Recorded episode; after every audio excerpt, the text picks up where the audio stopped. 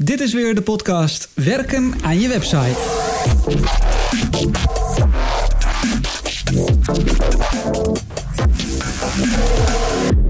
Leuk dat je luistert naar aflevering 2 van mijn podcast. Het is oktober 2017. Ik werd vanmorgen wakker met nieuws op de radio over spoofing. Ja, ik ken de term al langer, maar ik had hem niet verwacht op de landelijke radio. Eh, wat was er nou gebeurd? Uh, Follow the Money heeft e-mails gestuurd alsof ze van Mark Rutte komen. Aan andere politici.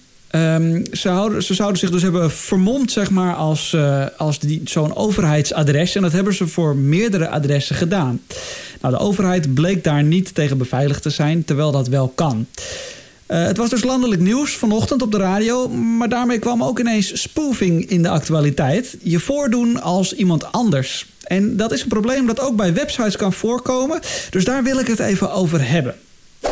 Eerst stel ik mezelf nog even voor. Ik ben Teunus van Wijngaarden. Ik maak en onderhoud websites en behandel in mijn podcast onderwerpen die ik vaak tegenkom. Uh, ik heb op mijn eerste podcast uh, het gehad over een beveiligde verbinding. Ik heb er leuke reacties op gehad, onder meer van uh, Simone en van Kees. Bedankt daarvoor. er zaten nuttige tips tussen ook, die probeer ik gelijk te verwerken. Nou, reacties zijn weer welkom via Soundcloud of een ander sociaal platform of via info.teunis.nl. Terug naar ons onderwerp, spoofing. Het is eh, een soort ingelaste uitzending, omdat het vanmorgen dus ineens eh, landelijk nieuws was. Ik vond het opvallend, maar ik dacht ook gelijk aan websites. Want veel websites maken ook die fout. Of misschien moet ik inmiddels zeggen, maakten die fout. Als je op je site een formulier hebt, dan moet je daar vaak eh, je naam invullen, je e-mailadres en een kort berichtje. Zoiets. Stel nou dat Mark Rutte op jouw site komt en die vult het in. Nou, Mark Rutte, zijn naam, zijn e-mailadres en een berichtje. Hij drukt op verzenden.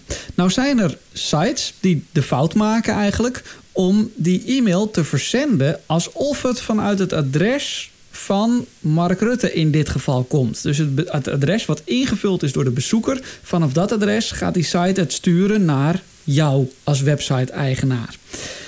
Um, dat gebeurt uh, nog wel eens, uh, maar dat is niet slim.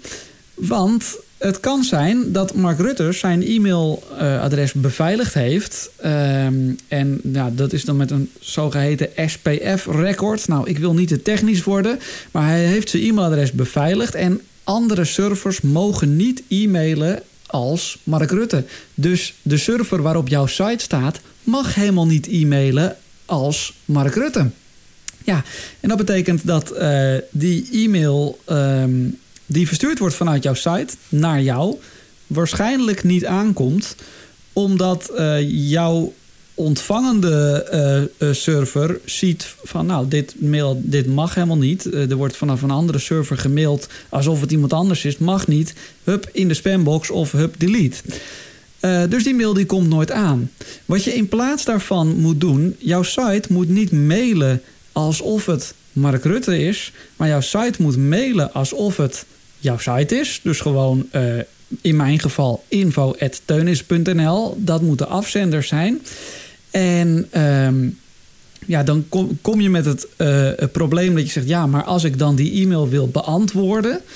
Uh, dan klik ik op beantwoorden en dan stuur ik dus een mail aan mezelf. Dat is wat ik vaak hoor aan klanten op het moment... nou, ik heb het ook wel eens niet goed ingesteld heel aan het begin. Ja, en dan krijg ik dat dus terug. Nou, daar hebben we een zogeheten reply to adres voor. En dat kun je ook instellen in jouw site. Dat is het, het adres van Mark Rutte dan in dit geval. En die stuurt die mee. En nou, dan gaat een antwoord gaat alsnog, de reply gaat alsnog naar hem toe. Dus dan kun je gewoon op de knop beantwoorden drukken. Maar de afzender van de mail moet dus jouw site zelf zijn. Nou, um, je komt dit uh, op meerdere manieren tegen. Um, want als je zelf overgaat bijvoorbeeld naar Office 365 of naar uh, mail via Gmail, dan kan het ook zijn dat jouw eigen mail beveiligd wordt um, tegen mailen vanaf een andere server. En dan kan het dus zo zijn dat het ook met jouw eigen e-mail niet meer werkt in eerste instantie als je er niks aan doet. Dus daar moet je wel even goed aan denken op het moment dat je naar zo'n dienst overgaat. Uh, ja, dan zou, je, uh, dan zou je er eventjes uh, naar moeten kijken. Je moet het op zijn minst even testen. En als het wel misgaat, dan valt dat wel te regelen met de hosting of met de webbouwer. dat is wel te doen. Maar denk er in ieder geval aan. Uh, overigens, het komt ook voor als je mailings verstuurt. Um, als je bijvoorbeeld een mailing verstuurt met een dienst als uh, uh, La Posta of Mailchimp, dan probeert La Posta bijvoorbeeld te sturen vanaf jouw e-mailadres. Dus je wil uh, mailen vanaf, in mijn geval, dus info.teuners.nl. dat probeert La Posta, maar dat mag niet. Ook daarvoor moet je een speciale instelling doen, zodat, nou, zodat dat wel mag. Maar je moet er maar wel uh, even aan denken. En ik werd er weer aan herinnerd dat ik deze instelling altijd doe voor klanten. Um, omdat, of nou ja, doe voor klanten. Ik doe dat niet zelf hoor. Ik, uh, ik laat het uh, doen, maar ik weet dat het bestaat. omdat omdat nou, dit dan vanmorgen in het nieuws was. Um, oh ja, dan had ik nog één tip. Als je nou uh, wilt weten waarom een mail uh, gemarkeerd wordt als spam... of überhaupt uh, of een mail een hoge spamwaarde heeft... gebruik ik altijd mailtester.com. Dat is mail-tester.com. nou, dan krijg je een e-mailadres, kan je een mailtje heen sturen... en dan analyseren zij jouw mail op veel punten, op inhoud... maar ook op hoe staat jouw mailserver bekend... Uh, dat soort dingen. En dan kun je daaruit uh, uit opmaken of je, uh, ja, of je wordt gezien als spam. En dan kunnen ze ook ontdekken waarom je in spamboxen belandt. Um, overigens, ik ben verder niet betrokken bij mail-tester.com. Dus ik geef ook geen garanties over de werking daarvan. En ik weet ook niet wat ze doen met je mailtje. Dus ik zou geen vertrouwelijke dingen naar ze toe sturen. Maar gewoon een testmailtje. Ja, dat moet vanuit. Ja, ik denk dat dat wel zou moeten kunnen. Tot zover podcast 2. Uh, heb je hulp nodig met je site of wil je het allemaal niet zelf doen? Kijk dan op www.teunis.nl of uh, stuur me een mailtje. Ja, ik heb mijn mailadres vaak genoeg gezegd in deze podcast. info.teunis.nl T-E-U-N-I-Z.nl En nu weer fijn werken aan je website.